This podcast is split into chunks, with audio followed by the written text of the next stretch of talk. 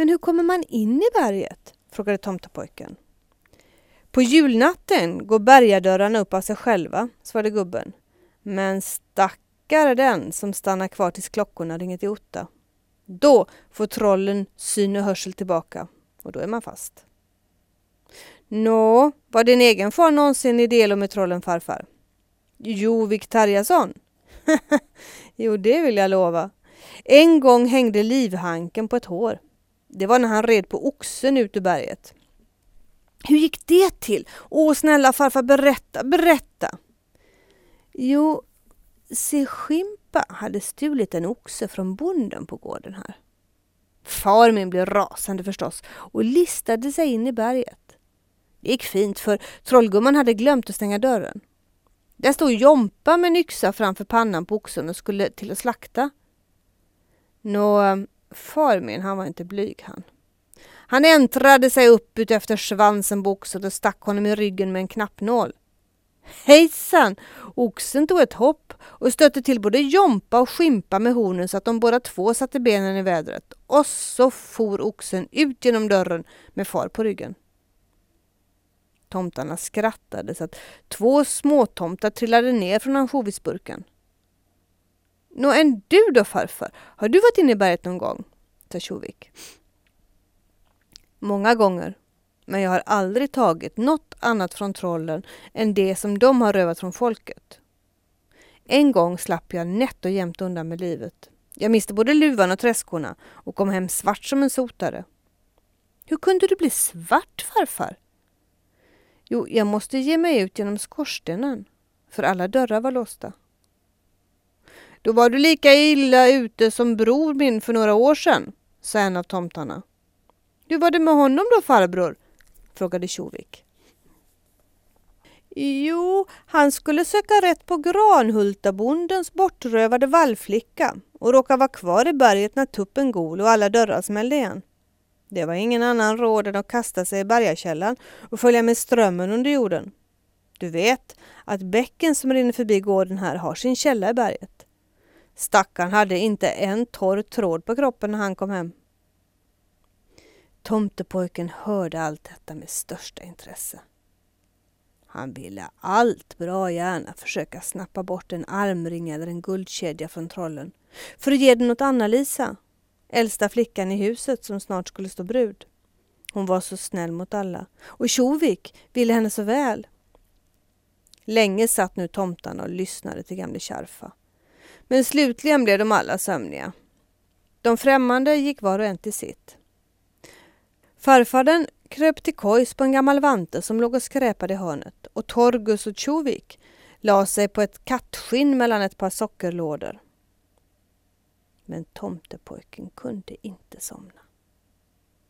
Han bara låg och grubblade över hur han skulle kunna skaffa Anna-Lisa ett smycke från berget. Bara, bara ett enda. Det kunde väl inte gärna skada henne? Det var väl bara när människorna fick för mycket guld som de blev elaka av det. Slutligen steg han upp, satte på sig sin luva och träskorna och tog sin lilla käpp och begav sig ut i skogen. Natten var tyst och mörk.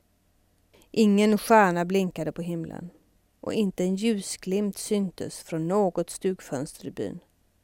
Alla sov den djupa, lugna midnattssömnen och endast det långdragna tjutet av en rävhona hördes ett par gånger från skogen.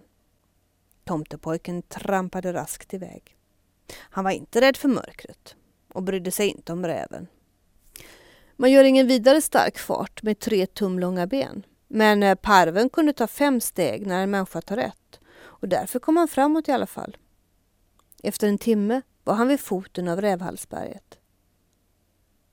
Hu vad det reste sig skrovligt brant och högt. Inte en strimma ljus kunde skönjas från någon av bergets sprickor. Men inifrån hördes ett klingande rassel som om någon skramlat med guld eller silverpengar. Vänta ni bara, sa tomtepojken och började klättra upp för berget. Det gick inte fort, men det gick i alla fall. Ibland halkade han ett stycke tillbaka, men han tog nya tag och kom högre och högre upp. Flåsande, svettig och varm kom han från klippa till klippa, från block till block, svängde sig upp till den ena avsatsen efter den andra och var snart halvvägs uppe på bergets sida. En uggla lät höra sitt tjut från en dunge bredvid, men Tjovik lät inte skrämma sig. Han ville klättra tills han fann en öppning där han kunde komma in till trollen. Då fick han slutligen se det lysa genom en liten springa i berget. Han stack sin käpp i springan och bände till. Dörren måtte ha varit väl smord i sina gångjärn, för den gick sakta upp utan att det hördes ett ljud.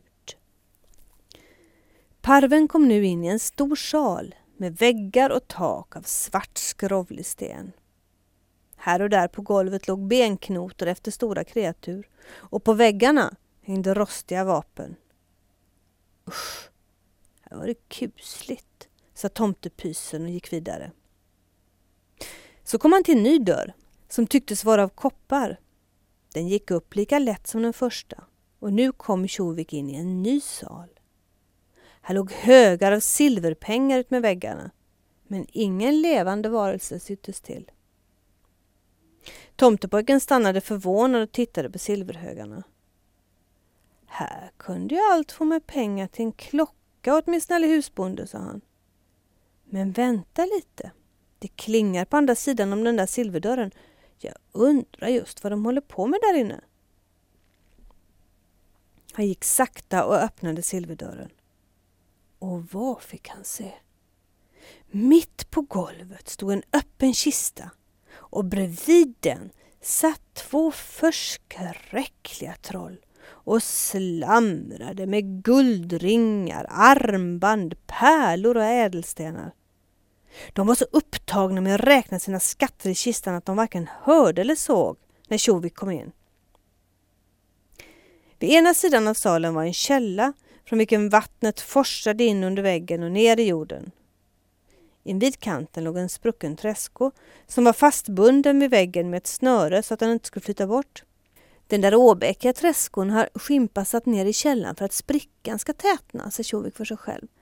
Pass på om inte jag seglar härifrån i den båten ifall dörrarna skulle råka bli stängda. Tyst och försiktigt gick han fram till kistan. Men den var så hög att han inte räckte upp till kanten. Han sträckte och sträckte på sig så mycket han orkade och i detsamma så... Ja, nu ska ni få höra. Jompa och Skimpa råkade nysa på en gång. Tröste mig, sa det rungade i berget. Luftdraget blev så starkt att tomtepojken flög upp i luften som en vante och föll huvudstupa ner på guldet i kistan. Jaha, nu går allt på token då, tänkte Tjovik och kramade käppen för att försvara sig mot trollen. Men de dumma varelserna hade inte sett honom. De bara räknade och räknade. Parven såg sig omkring bland allt guldet. Så valde han ut en kedja som var lagom stor att hänga om halsen och försökte klättra upp på kistkanten för att hoppa ner på golvet. Då började i detsamma kyrkklockorna ringa till ottesång. Bägge trollen sprang upp och körde fingrarna i öronen. Alla bergets dörrar slogs i lås och locket på kistan föll igen över både guldet och tomtepojken. Ja, där satt han nu. Som en mus i en råttfälla. Men han var inte den som tappade modet i första taget. Kan jag bara narra trollen att öppna kistan igen så blir det väl alltid någon råd, tänkte han. Och så satte han munnen till nyckelhålet och började pipa som en mus. Vi har fått en råtta i kistan du far, sa trollgumman. Den får sitta där till nästa julafton, sa trollgubben. Då äter den hål i kistan far lille, sa gumman. Det kan du ha rätt i mor lilla, sa gubben. Och så öppnade han kistan och fick se tomteparven sitta vid kanten. Jo, du var med lustig råtta, sa han och grinade så magen hoppade. Vad är du för en spelvink? Jag är Tjovik Torgesson, tomtepojke på gården, sa parven käckt.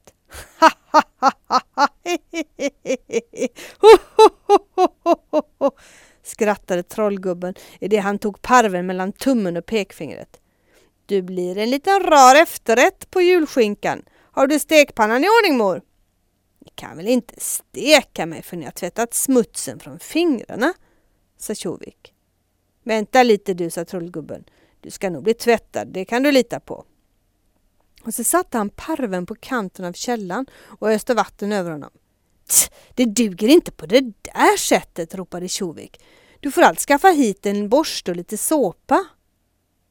Det var en sträng liten herre den där, brummade trollet och släppte taget för att gå efter en borste. I detsamma hoppade tomtepojken i träskon, fick upp sin fällkniv och skar av snöret som höll den fast. Hejsan! Träskon följde genast med strömmen in under bergväggen. Jompa och Skimpa uppgav på samma gång ett vrål så att trumhinnan hade kunnat spricka. Men tomtepojken svängde sin toppmössa och ropade Hurra! Forsen förde träskon med den lilla passageraren genom den underjordiska kanalen ut i bäcken som rann förbi gården. Där hoppade parven i land och gick hem. Men guldkedjan hade han förlorat när trollet plaskade vatten över honom. Det var på vippen att tomtepojken hade fått stryk av både far och farfar för sitt dumdristiga företag. Men han slapp, eftersom han aldrig förut hade gjort något galet. Och han måste lova att aldrig mer söka efter andra skatter än de man kan förtjäna genom nyttigt arbete. Och det löftet har han hållit som en ärlig tomte.